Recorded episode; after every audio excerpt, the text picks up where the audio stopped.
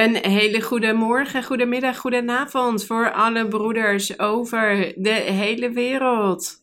In de verschillende landen, steden, dorpen, waar God ook maar heeft toegestaan dat zijn kerk is begonnen.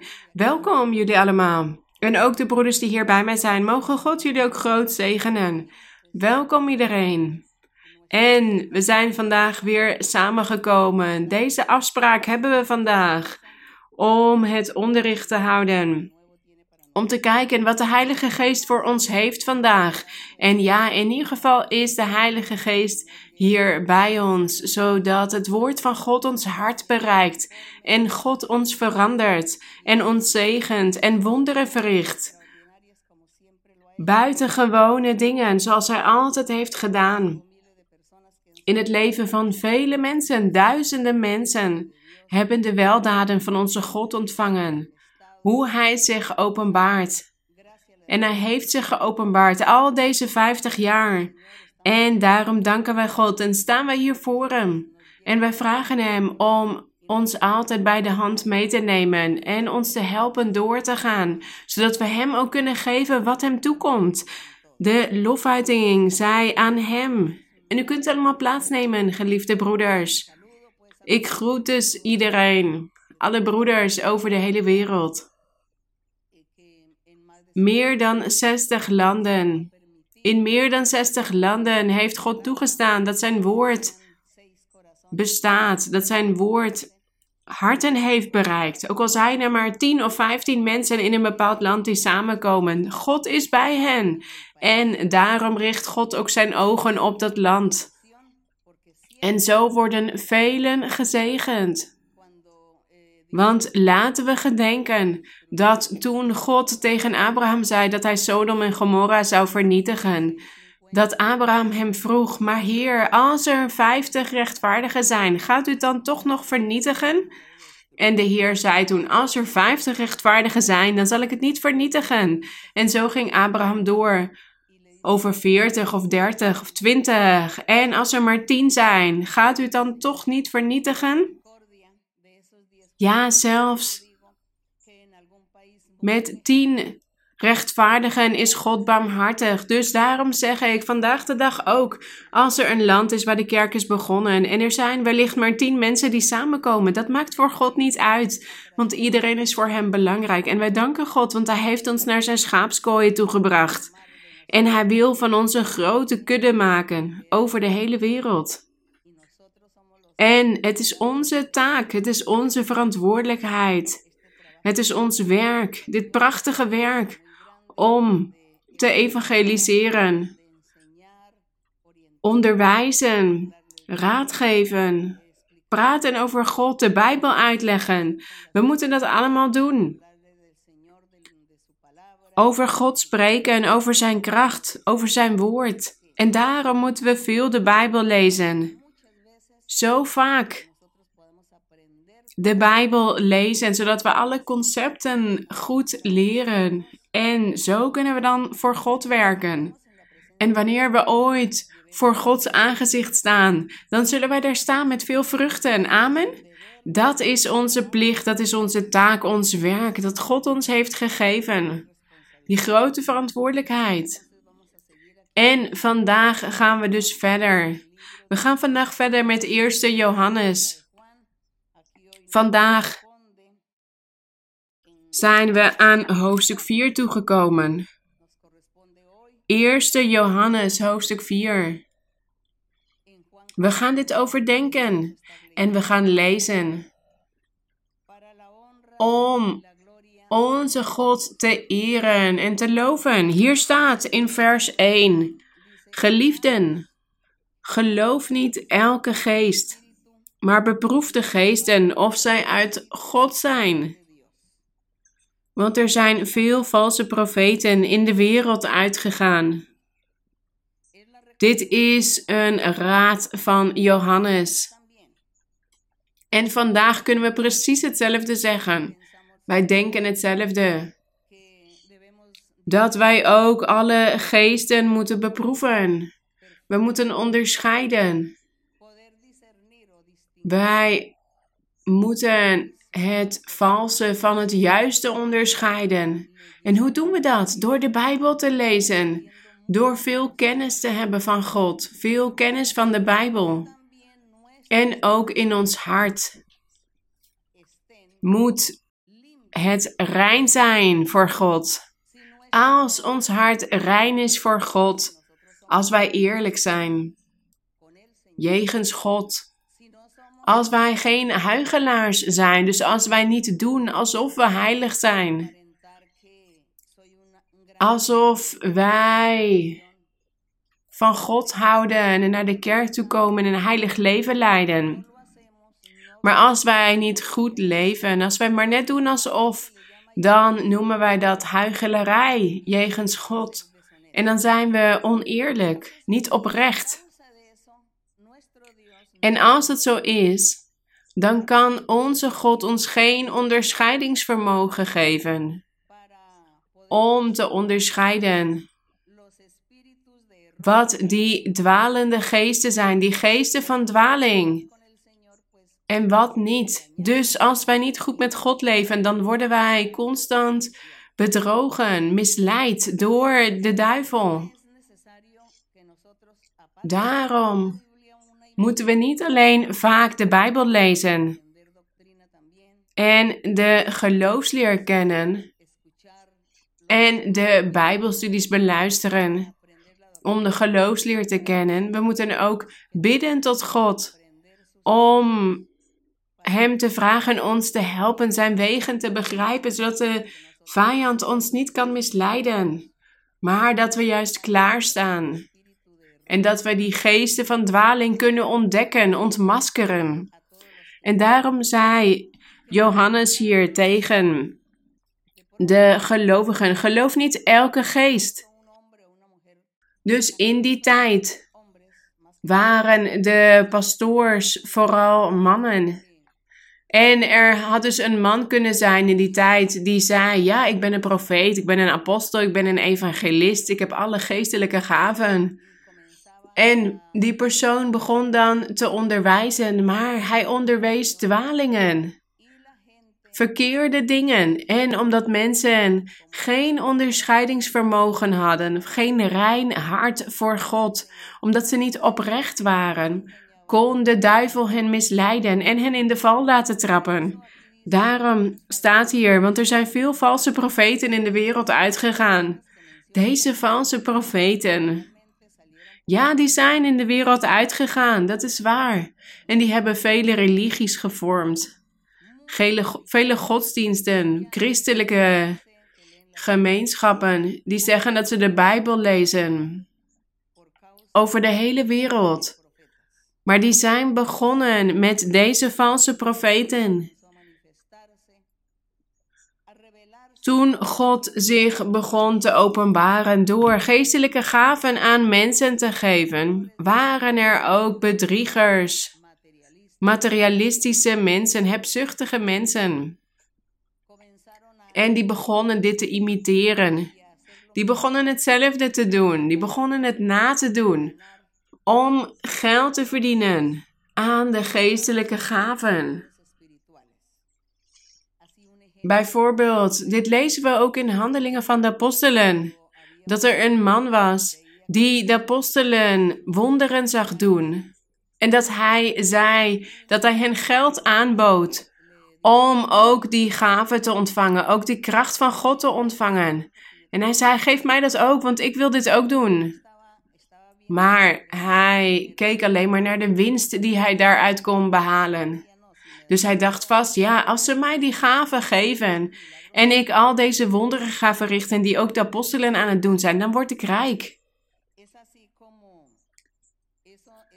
En die man en dat soort mensen, die begonnen dus op te staan uit hebzucht. En God gaf geestelijke gaven aan mensen. Maar degenen die hebzuchtig waren, die verdraaiden de rechte weg van God, omdat zij hun hebzucht achterna gingen. Ze wilden rijk worden. En daarom begon God ook afstand te nemen van mensen. Hij begon hen te negeren. En het resultaat is al die honderden of wel duizenden religies, godsdiensten over de hele wereld.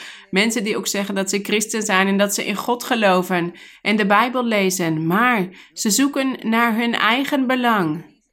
Niemand predikt met oprechtheid. Ze zoeken materiële dingen. Ze zoeken de eerste plekken. Ze willen op de eerste, de beste plekken staan. Ze willen geëerd worden door mensen. Ze willen belangrijk zijn. En dat is heel verdrietig wat allemaal is gebeurd. Sinds dat de Heer zich begon te openbaren in de vroege kerk tot op de dag van vandaag. En de Heer heeft een kerk willen vormen. Hij is een kerk aan het vormen waar Hij aanbeden wordt zonder eigenbelang van mensen. Waar iedereen Hem zoekt met een rein hart, een oprecht hart zodat vervuld wordt wat in de psalmen staat. Heer, wie zal er op uw heilige berg wonen? Wie zal er op uw heilige plaats zijn? En de Heer zegt, wie rein is van handen en rein van hart. En dat is dit grote voorrecht dat wij hier samen mogen komen, zodat we geleid worden door zijn geest. En hier zijn wij met de Heer en wij zoeken die volmaaktheid. En wij willen de wil van God doen in alles, Hem in alles behagen, zodat we het eeuwige leven kunnen ontvangen. Maar voordat we het eeuwig leven ontvangen, willen we ook vele zielen winnen voor het Koninkrijk van de Hemelen. En laten we verder gaan met vers 2. Dit is nog meer raad van de apostel. Hieraan leert u de geest van God kennen. Elke geest die beleidt dat Jezus Christus in het vlees gekomen is, hij zegt hier elke geest. Ja, want geesten die gingen heersen over al die mannen in die tijd om te verkondigen. Maar het is dus alleen de Heilige Geest die moet heersen over iemand om te prediken, om te profiteren. Maar in die tijd waren er dus vele mensen die niet allemaal de Heilige Geest van God in zich hadden. En daarom staat hier: elke geest die beleidt dat Jezus Christus in het vlees gekomen is, is uit God. Ja, die heeft gelijk. In die tijd waren er nog veel Joden die niet geloofden dat Jezus Christus uit een vrouw was geboren en God was en dat hij uit de dood was opgestaan. Zij dachten dat het allemaal een leugen was. En zij werden antichristen genoemd, omdat zij dus niet in Christus geloofden. Maar hier staat dus elke geest die beleidt dat Jezus Christus in het vlees gekomen is, is uit God. En elke geest die dus in een mens zit en niet beleidt dat Jezus Christus in het vlees gekomen is, is niet uit God. Maar dit is de geest van de antichrist waarvan u gehoord hebt dat hij komt en die nu al in de wereld is. Sinds het begin van de kerk van de Heer was de antichrist al daar. Onder de gelovigen. Maar onder die gelovigen die zich niet echt hadden bekeerd, die niet oprecht waren, die net deden alsof ze kwamen naar de kerk toe, maar ze waren alleen hoorders, geen daders. Dus sinds die tijd was de antichrist er al. En ja, vandaag de dag ook zoveel mensen die de Heer Jezus Christus ontkennen, negeren dat Hij, dat hij God is. Dat Hij God was die vlees was geworden als mens op aarde. En dat Hij uit de dood is opgestaan. En dat Hij zich vandaag de dag openbaart door middel van het werk van de Heilige Geest. Zij ontkennen dit. Dus deze antichrist, ja, die werkt al sinds meer dan 2000 jaar in de mentaliteit en het hart van degenen die niet oprecht zijn. En in vers 4 staat: Lieve kinderen, u bent uit God. En u hebt hen overwonnen. Want hij die in u is, is groter dan hij die in de wereld is. Ja, de Heilige Geest is groter dan die geest van dwaling die in de wereld rondgaat. En die het, de mentaliteit van mensen verontreinigt, verderft, zodat zij niet geloven in de Heere der Heerlijkheid, in het ware woord van God, in de ware weg van God. Vers 5. Zij zijn uit de wereld. Dus diegenen die liegen en bedriegen, die gebruikt worden door de vijand om het woord van God te verdraaien. Zij zijn uit de wereld, staat hier. Daarom spreken zij uit de wereld en de wereld luistert naar hen. Vers 6. Wij, de gelovigen, wij zijn uit God. Wie God kent, luistert naar ons. Wie niet uit God is, luistert niet naar ons. Dus iemand die God wil leren kennen, die van God houdt, die in God gelooft, ook al is hij niet op de juiste plek aan het samenkomen, maar toch in zijn hart verlangt hij ernaar God te leren kennen, God te volgen. Die persoon die zal naar ons luisteren als wij hem evangeliseren. Als wij tot die persoon spreken over God, dan zal die persoon het aannemen en verblijd worden en zeggen: Ja, ik ga naar die plek toe. U bent mij naar een kerk aan het uitnodigen. Ik ga. Waarom? Omdat in zijn hart het verlangen is om God te leren kennen en in God te geloven. En hier staat verder: Hieraan herkennen wij de geest van de waarheid en de geest van de dwaling. En zo gebeurt het ons dus vaak dat wij tot iemand spreken over God, maar dat die persoon dit niet aanneemt.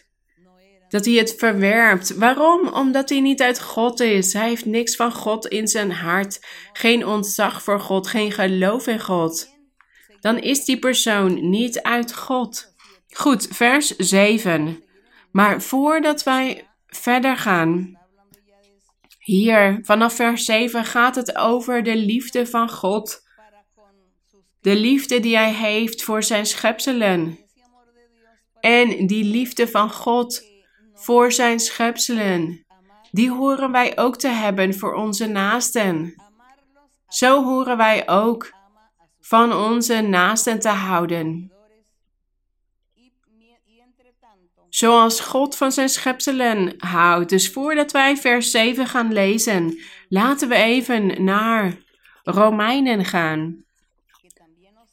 Romeinen, want hier gaat het ook over de liefde van God. En ook die liefde die wij moeten hebben. Jegens onze naasten. Romeinen hoofdstuk 13. We gaan lezen vanaf vers 8 tot en met 10. Romeinen hoofdstuk 13. Hoofdstuk 13, vers 8 tot en met 10. Hier staat: Wees niemand iets schuldig dan elkaar lief te hebben. Dus we moeten niemand iets schuldig zijn. We moeten geen schulden hebben met mensen. Bij mensen. Want het gaat hier niet alleen om geld. Het gaat hier niet alleen maar om geldschulden. Maar wij horen vrijgevig te zijn. En als iemand hulp nodig heeft, barmhartigheid nodig heeft, dan moeten wij hem dat geven. En we horen bijvoorbeeld ook geen wraak te nemen, want als wij wraak nemen, dan zijn wij iemand iets schuldig. En als iemand ons om een gunst vraagt en wij geven hem niks of wij helpen hem niet, dan zijn wij hem iets schuldig. Uw geweten zal u dan zeggen: U bent onrechtvaardig geweest. U hebt die persoon niet goed behandeld. Want die persoon heeft u geld gegeven en u hebt het niet terug willen geven. Dus dit niemand iets schuldig zijn, dit gaat over vele dingen, niet alleen maar over geld. Hier staat: Wees niemand iets schuldig dan elkaar lief te hebben. Want wie de ander lief heeft, heeft de wet vervuld. Dus liefhebben. Liefhebben is alle geboden van God in acht nemen. Alle geboden in acht nemen voor God en voor onze naasten. Want hier staat: wie lief heeft, die heeft de wet vervuld. Die wet die Mozes op de Sinaïberg had ontvangen, die is niet weggenomen. Die is niet weggenomen op het kruis van Golgotha. Op het kruis van Golgotha is de methode van verlossing weggenomen. Want de wet van Mozes is niet meer die methode van verlossing. Al die regels en die rituelen en al dat materiële wat ze moesten doen in die tijd. Om het eeuwig leven te kunnen verkrijgen. Of goed te kunnen leven met God. Dus toen de Heer naar de aarde kwam en al die vereisten in acht nam, toen hij al die regels in acht nam, alle bepalingen, alle verordeningen en alles had vervuld, daarom offerde hij zichzelf op op het kruis van Golgotha. En alles was vervuld. De wet was toen vervuld. Het was volbracht, zei hij. De, het volk van Israël moest eigenlijk de hele wet van Mozes in acht hebben genomen, maar dat konden ze niet. En daarom was de Heer Jezus mens geworden om hem helemaal te vervullen en daarna weg te nemen. Maar die geboden die Mozes op de berg van Sinai had ontvangen, die blijven gewoon bestaan. Ook in de tijd van de Heer Jezus Christus, het begin van het evangelie zijn die geboden nog steeds van kracht. En ja, we hoeven niet meer al die rituelen te doen, al die regels van de wet van Mozes. We moeten nu geloven in de Heer Jezus Christus en zijn geboden in acht nemen. Dus die geboden die Mozes had ontvangen, die zijn nog steeds van kracht. Ook vandaag in het evangelie, en daarom noemen we het de wet van de geest. Niet meer de wet van Mozes, maar de wet van de geest. Want het was God die die wet aan Mozes had gegeven. En dit noemen we nu de wet van de geest. En hier staat dat wie liefde heeft, wie de ander lief heeft, heeft de wet vervuld. En wat stond er bijvoorbeeld in de wet, vers 9? Hier gaat het over de wet, want dit, u zult geen overspel plegen. U zult niet doden. U zult niet stelen. U zult geen vals getuigenis geven. U zult niet begeren. Dit zijn allemaal voorbeelden van de wet. De wet van God. De wet van de Heilige Geest. Dit zijn een aantal voorbeelden. Want hier staat daarna, in welk ander gebod er ook is, er zijn nog vele, meer, vele geboden. Maar hier staat en welk ander gebod er ook is, wordt in dit woord samengevat, namelijk hierin: U zult uw naaste lief hebben als uzelf. En dit onderricht hebben wij op vele manieren al gegeven, maar ik weet dat er altijd mensen zijn die nieuw zijn in de kerk of die voor de eerste keer komen en zij moeten dit ook leren. Dus dit onderricht is voor jullie. Want de broeders van de kerk, die al langere tijd in de kerk samenkomen, die weten dit al en ze zijn leraars van het woord geworden. Maar het is nooit verkeerd om dit te herhalen. Het blijft belangrijk. En wij zien dus dat dit de wet was. En daarom zeggen wij dat wie lief heeft, de hele wet vervult. Dat is die liefde van God en de wet van God. Dus wie lief heeft, die vervult de wet van God. Want zoals God van ons heeft gehouden en zoals Hij van ons houdt, zo horen wij ook van onze naasten te houden. En dat betekent dus dat wij de hele wet in acht nemen. Als wij alle geboden van de Heer in acht nemen, dan beledigen wij niemand. Dan doen wij niemand kwaad. Dan laten wij niemand lijden. Dan stellen wij niemand teleur. Dan raken wij niet ontmoedigd. En anderen ook niet. Nee, wij laten juist anderen doorgaan. En bemoedigd zijn omdat ze ons voorbeeld zien, ons getuigenis, onze liefde die wij beleiden. Door de geboden van de Heer in acht te nemen. En hier staan dus een aantal voorbeelden: overspel, doden, stelen, vals getuigenis, begeren. Dit zijn maar een aantal voorbeelden van wat wij niet horen te doen. Want hier staat, en welk ander gebod er ook is, het wordt allemaal samengevat in dit woord. U zult uw naaste liefhebben als uzelf. Zo vervult u de wet. Zo kunnen we zeggen, ik vervul de wet als wij onze naaste liefhebben. En onze naaste liefhebben, dat betekent niet alleen de mensen die in ons huis wonen. Ja, we beginnen wellicht met degene die in ons huis wonen, met onze echtgenoten of echtgenoten en onze kinderen. Maar wij hebben veel meer naasten. Vers 10. De liefde doet de naaste geen kwaad. Ik zou graag willen dat jullie dit lezen, zodat dit in jullie hart gegraveerd wordt. Vers 10.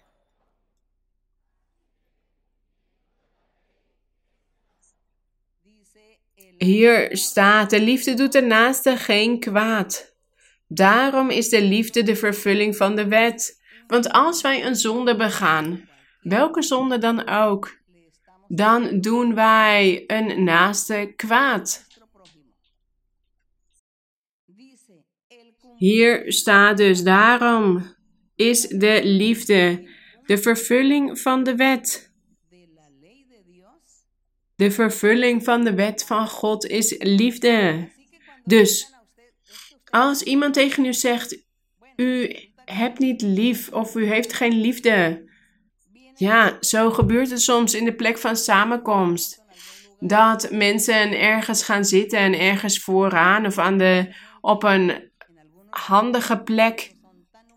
En in sommige plekken van samenkomst komen er duizenden mensen samen. Bijvoorbeeld in Colombia. Daar komen twee, drie, vierduizend mensen samen in één plek van samenkomst. En soms gaan mensen dus op een handige plek zitten, die handig is om over te laten voor als mensen meer ruimte nodig hebben. Dus ja, dan komt er iemand naar die persoon toe en zegt: Kunt u alsjeblieft ergens anders zitten of kunt u alsjeblieft doorschuiven of een andere stoel nemen? En die persoon wordt dan boos. En die zegt dan: Oei, deze zuster heeft geen liefde. Of deze broeder heeft geen liefde.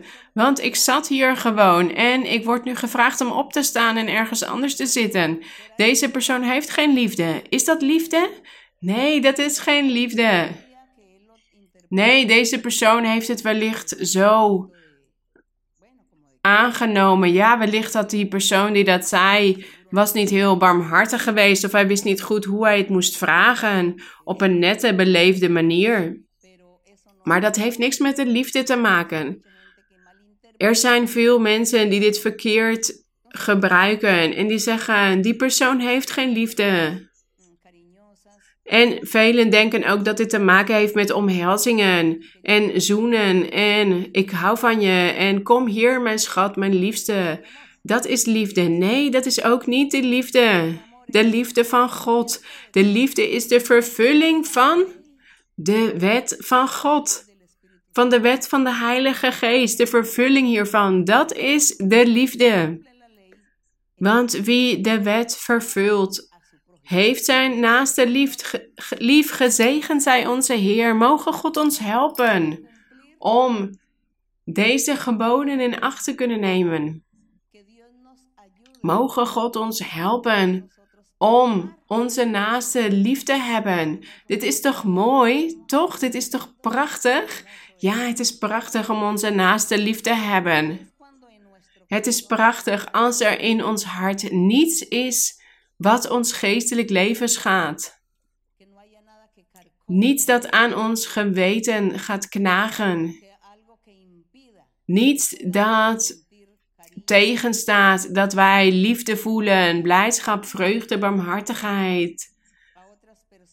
Dat we gewoon vrij tegen anderen kunnen spreken op een manier waarop zij dit verdienen. Op een behoedzame manier. Dat we mensen goed behandelen met wijsheid. En dat we ook kunnen onderwijzen met veel wijsheid, met veel inzicht. Kunnen verbeteren. Waarschuwen. Met veel beleefdheid. En zo zullen mensen ervan leren en ook de suggerentie of ook het advies aannemen. En dan worden mensen niet boos en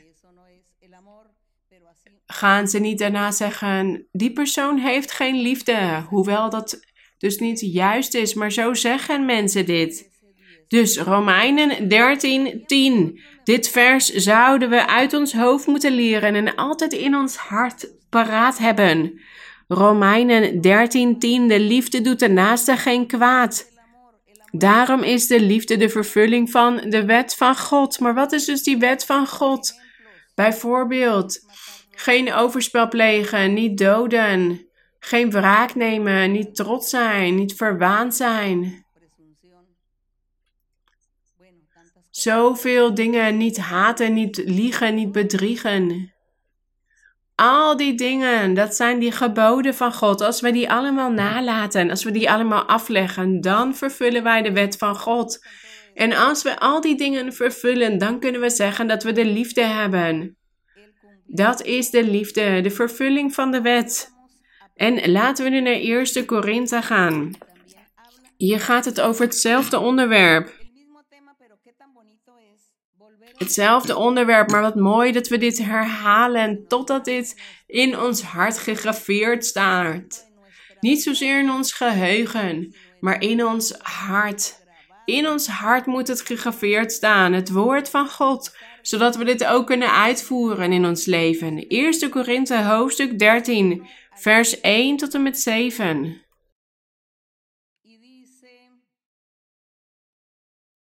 Hier staat, zijn jullie er al? 1 Korinthe 13, vers 1 tot en met 7.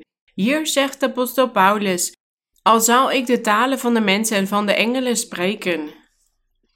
Talen van de engelen. Hier heeft hij het over die geestelijke talen die de Heilige Geest ingeeft. Dit vertellen wij vooral voor de mensen die nieuw zijn of voor de eerste keer. De Heer doopt zijn gelovigen met de Heilige Geest. En dan beginnen zij in geestelijke talen te spreken. Dus een taal die wij zelf niet kunnen verstaan of begrijpen, dat wat wij normaal spreken. Het zijn talen van de engelen, staat hier, geestelijke talen. En op die manier loven wij God ook, wij prijzen God met geestelijke talen. En hier heeft apostel Paulus dus over. Al zou ik de talen van de mensen van de engelen spreken, maar ik had de liefde niet. Dus hij zegt hier eigenlijk, maar ik vervul de wet van God niet. Dan zou ik klinkend koper of een schallende symbaal zijn geworden. Hij vergelijkt het hiermee. Dus als hij de liefde niet had, dan zou hij net als een schallende symbaal zijn geworden. Dan zou hij geen zeker geluid maken. Iets wat niets betekent. Dus een persoon die de doop met de Heilige Geest heeft ontvangen. Die dus in geestelijke talen heeft gesproken en die denkt dat het genoeg is. Maar nee, die persoon moet ook de hele wet van God vervullen. Wellicht vervulde hij al een aantal geboden, maar we moeten alle geboden in acht nemen. Anders zijn we net als klinkend koper of een schallende symbaal, iets wat onzeker klinkt. Het is geen mooie melodie of het is niet iets wat we kunnen begrijpen. Het klinkt in ons oor vervelend. Het is iets vervelends. Dan zouden we zo zijn als wij de liefde niet hebben.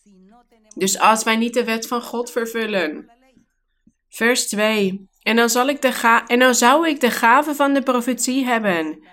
Kijk, al zou ik zelfs de gave van de profetie hebben en alle geheimenissen weten en alle kennis van God bezitten.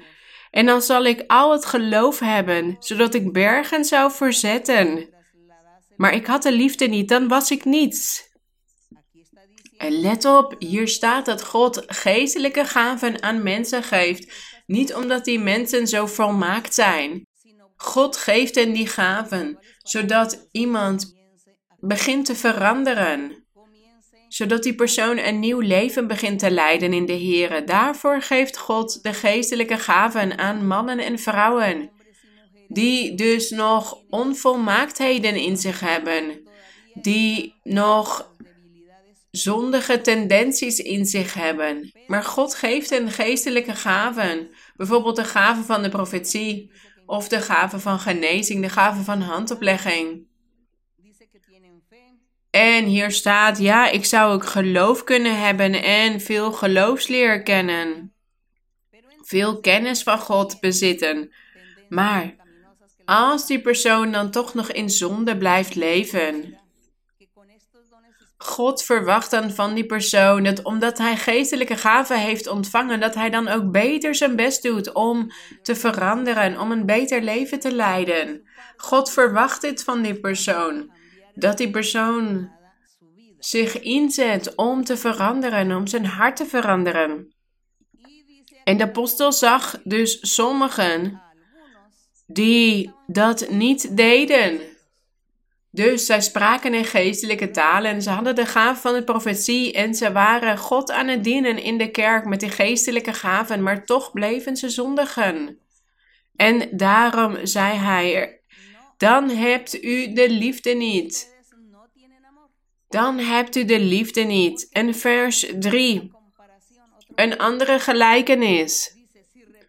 Een ander voorbeeld. En al zou ik al mijn bezittingen uitdelen tot levensonderhoud van de armen, en al zou ik mijn lichaam overgeven om verbrand te worden, maar ik had de liefde niet, het baatte mij niet. Dus als wij de liefde niet hebben, dan dient dit allemaal tot niets. De liefde is geduldig, vers 4. De liefde is geduldig. Dus een persoon die de liefde heeft, die maakt wellicht iets moeilijks mee. Die heeft moeilijkheden, slechte dagen, wellicht gebrek. Wellicht verliest hij een dierbare. Wellicht is er een ongeluk gebeurd.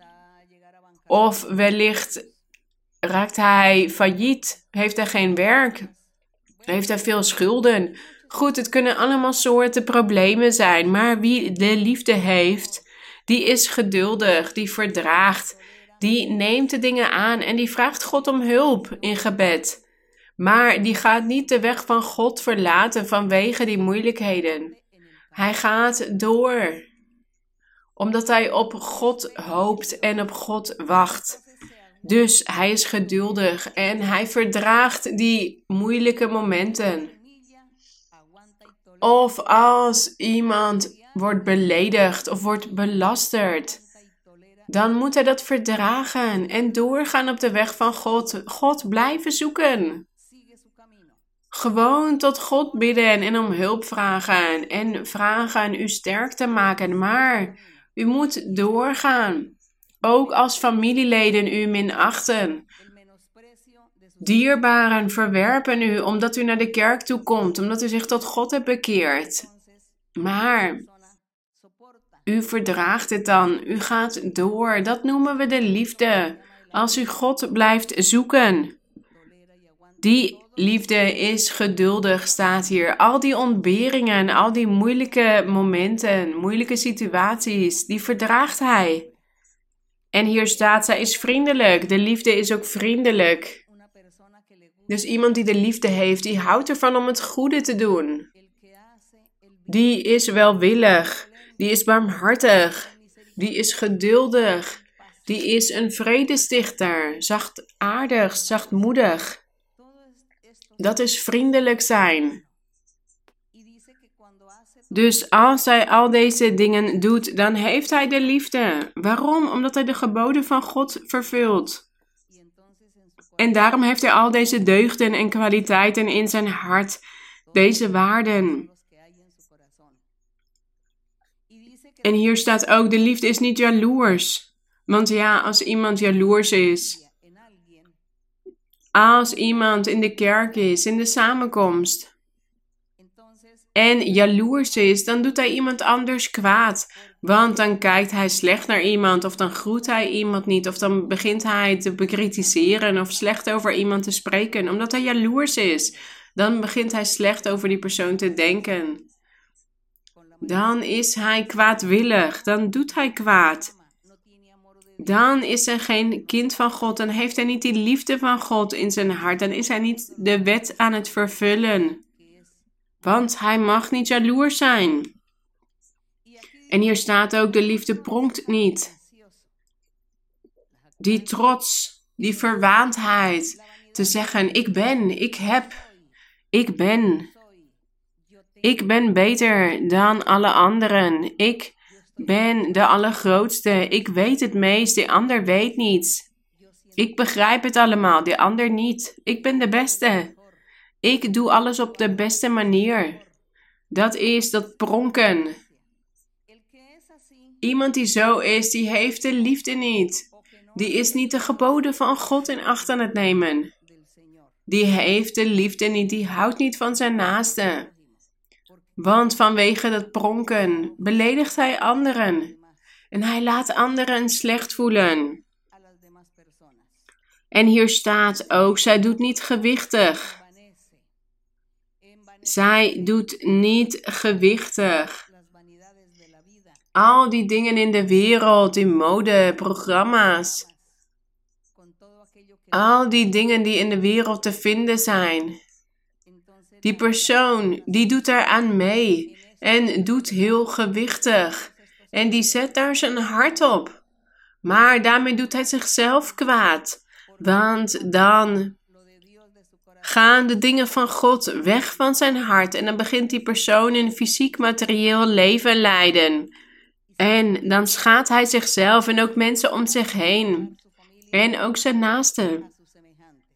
Dus zoals we kunnen zien, de liefde is een concept wat veel mensen verkeerd verklaren, verkeerd uitleggen.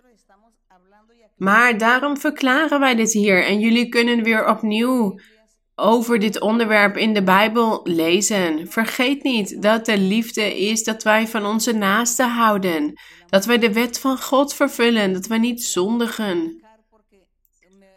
Want ik doe mezelf kwaad als ik zondig en ik beledig God en ook mijn naaste. Vers 5. Hier staat ook: de liefde handelt niet ongepast. En als wij ongepaste dingen gaan opnoemen, ja, dan kunnen we vele dingen opnoemen. Zoveel dingen die we kunnen doen, maar ongepast zijn. Bijvoorbeeld overspel plegen, dat is ongepast.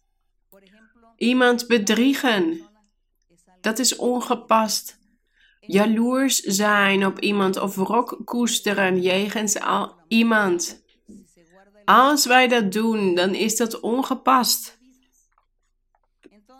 Dus hier staat, zij handelt niet ongepast. Dit omvat vele dingen en vele zonden die niet gedaan moeten worden. Zij zoekt niet haar eigen belang. Zij wordt niet verbitterd. Wij moeten altijd anderen hun plek geven en wij zijn zelf de laatsten. Dan zoeken wij niet naar ons eigen belang. Dus we zeggen, ja, eerst u, dan ik. En als u gelukkig bent, dan zal ik ook gelukkig worden van uw geluk. En als u die vrede hebt in uw hart, dan zal ik die ook hebben. Eerst u, dan ik. Ik ga me eerst zorgen maken om u en dan om mezelf. Dus in alle aspecten van ons leven dat wij niet de eerste plekken zoeken of dat we zeggen, ja, ik ben als eerst of ik ga als eerste. Nee, laten we altijd anderen de eerste plek geven. En hier staat ook, zij wordt niet verbitterd, zij denkt geen kwaad. Zij verblijdt zich niet over de ongerechtigheid. Ja, wie verblijdt zich nou over iets wat onrechtvaardig is? Of als iemand onrechtvaardig is jegens iemand anders, dan maakt dat ons verdrietig. En dan zeggen wij wat onrechtvaardig, wat oneerlijk. Waarom doen ze dit met die persoon? Dus als wij de liefde hebben, dan lijden wij als anderen lijden. Als wij de liefde hebben, dan verblijden wij ons ook als anderen zich verblijden. En hier staat ook: de liefde verheugt zich over de waarheid.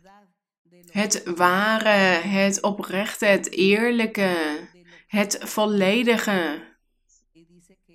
De liefde verblijdt zich hierover, dus niet over de ongerechtigheid, maar over de waarheid de oprechtheid, eerlijkheid, alles doen zoals het moet gebeuren.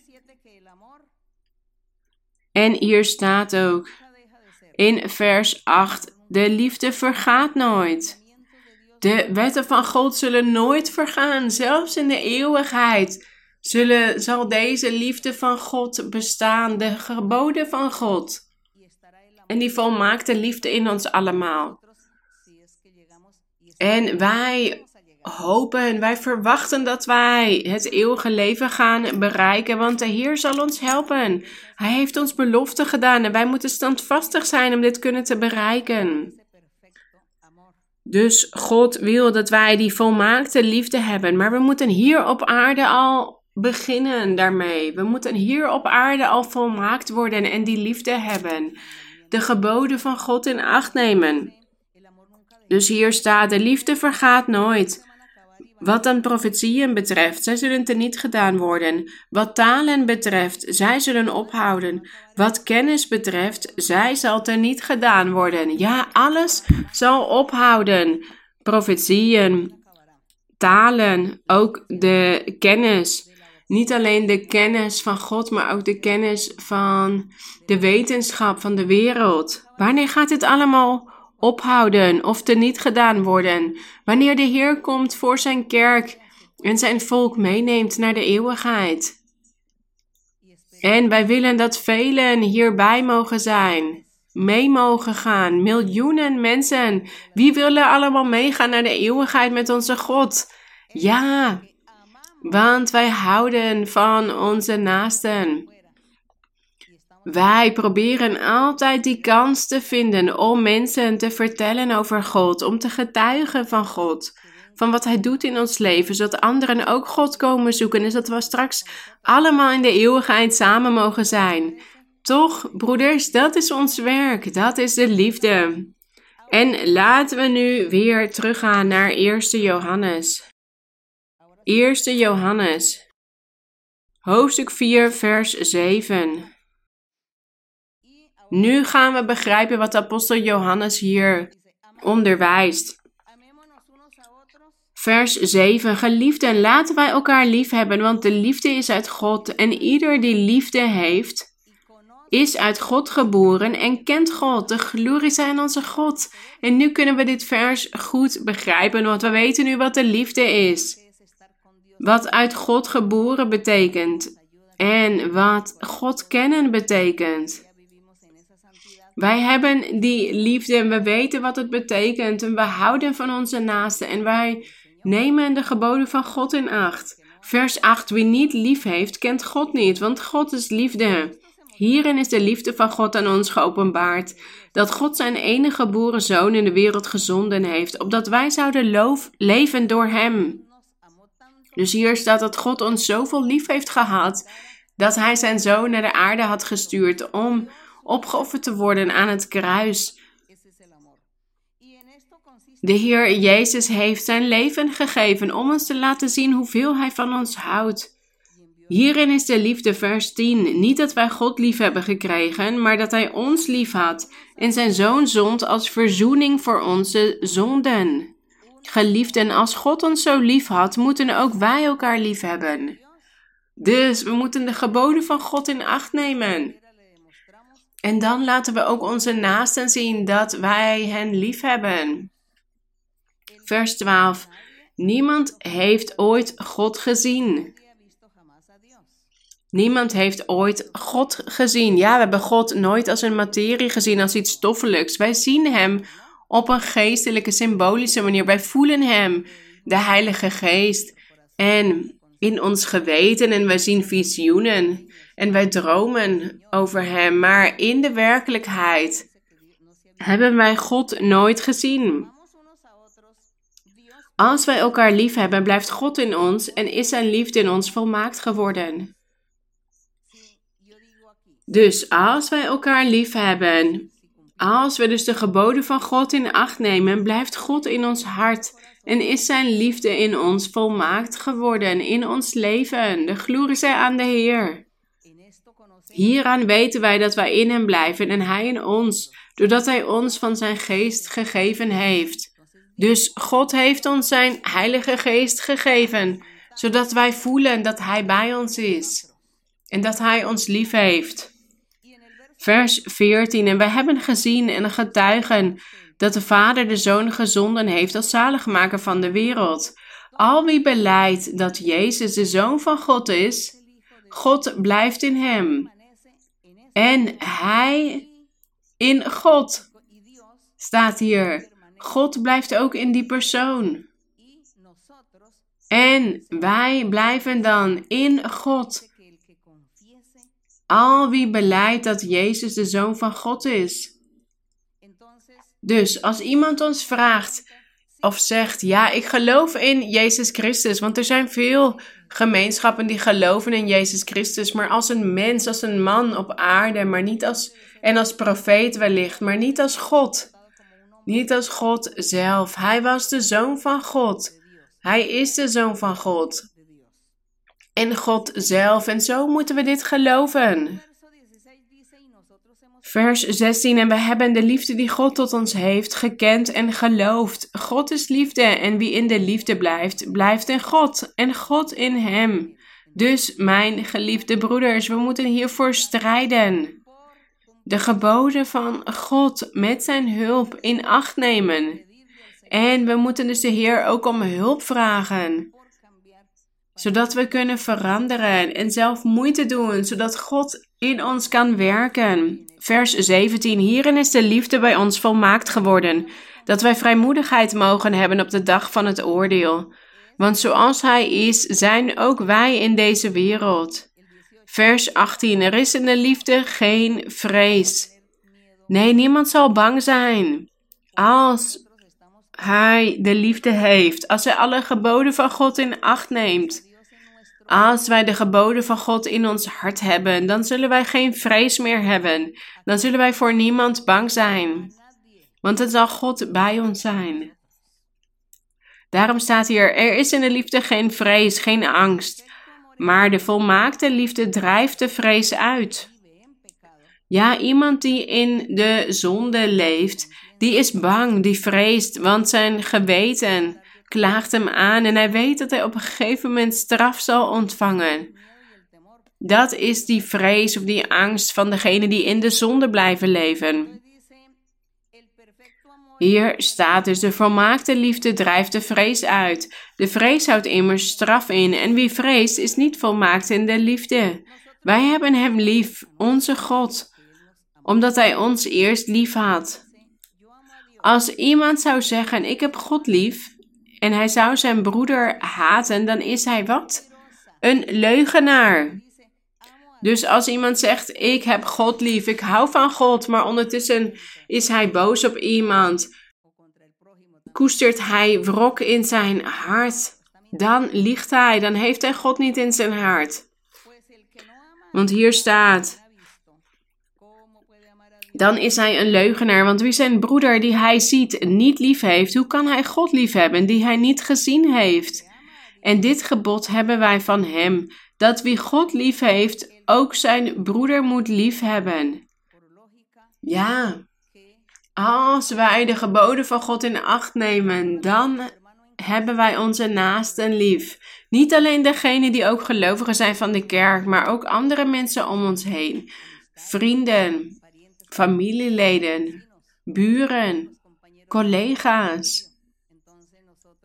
Wij bieden hen eerlijkheid.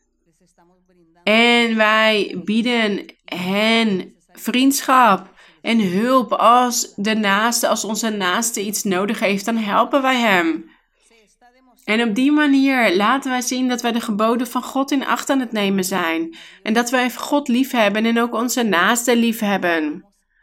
Dat wij de liefde hebben. Wat mooi, wat een prachtig concept van de liefde. Laten we gaan bidden tot onze Heer. Laten we Hem vragen om ons te helpen. Zodat wij dit kunnen bereiken. Zodat wij dit einddoel kunnen bereiken. Deze fase van volmaakte liefde. Een christen moet die volmaakt, volmaakte band van de liefde hebben. En wat is dus de liefde? De geboden van God in acht nemen. Een rein hart hebben. Want als wij de geboden van God in acht nemen, dan is ons hart rein geworden. Dat is de manier waarop wij vele harten kunnen veroveren voor het Koninkrijk der Hemelen. Mogen God ons helpen, mogen God bij ons zijn. Mogen God bij jullie allemaal zijn. Laten we bidden. Gezegende God, Almachtige, Vader, Schepper van de hemelen en de aarde, onze Schepper, onze Vader, onze God, onze Koning. U leeft tot in alle eeuwigheid. U bent krachtig. U bent almachtig en u bent rechtvaardig en uw barmhartigheid is zo groot. Uw liefde is eeuwig en uw beloften zijn trouw en waarachtig. Alles wat u ons heeft beloofd, dat bent u aan het vervullen langzamerhand in ons leven. En wij staan hier voor u. Wij staan hier voor u in uw aanwezigheid. En wij worden bedekt door uw Heilige Geest. Wij worden bedekt met uw kracht, met uw heerlijkheid, met uw aanwezigheid. Wij staan hier, mijn Heer, om uw zegeningen te ontvangen. Want u doet zoveel dingen in ons leven, elke dag weer, op elk moment. Altijd openbaart u zich, op welke manier dan ook, aan iedere gelovige. En u hebt ons allemaal vele zegeningen gegeven. U hebt ons beschermd. U hebt ons leven bewaard. En hier staan we voor u, meneer. En ik vraag u, Heilige Vader, voor die mensen die nieuw zijn. En die hier vandaag ook voor de eerste keer zijn. Die nog niet eerder naar de kerk hadden kunnen komen. Om uw woord te horen. Om uw aanwezigheid in hun hart te voelen. Heer, zij hadden deze kans niet gehad, maar daarom vragen wij u om hen te helpen en help ons om te evangeliseren. Help ons om op een makkelijke manier te kunnen evangeliseren, te kunnen spreken over uw naam, uw woord, uw wegen. Het eeuwige leven. Al die wonderen die u ons geeft. Hoe wij over u kunnen spreken. Help ons, mijn Heer zodat we voor u kunnen werken in uw wijngaard zoals u dit van ons wil. We danken u, mijn Heer, Heilige Vader. Wij danken u dat u ons gebed verhoort. En ik vraag u ook, mijn Heer, om uw hand uit te strekken, uw krachtige hand, over degenen die ziek zijn. Allen, van alle leeftijden. Wees bij hen en reinig hen en bevrijd hen Bescherm hen. Ze zijn tot u aan het bidden en ze vragen u om genezing. Ze vragen nu om hartverlangens. Verhoor deze gebeden, mijn Heer. Zegen en bevrijd. Genees en reinig. Neem hekserijen weg, tovenarijen, vervloekingen. Heer, want u hebt ons lief gehad en u zult ons altijd lief hebben. Uit uw liefde vragen wij u om zich te manifesteren in ons midden, om zich te openbaren. En we geven u de glorie en de eer in de naam van de Heer Jezus Christus. Amen. Gezegend zij de Heer, de glorie is in onze God. Koor 11. Koor 11. Ik wil meer van Christus. Yo quiero más de Cristo. Yo quiero más de su poder. Yo quiero más de su. Yo quiero más y más de él. Yo quiero más y más de Cristo. Yo quiero más de su poder. Yo quiero más de su presencia.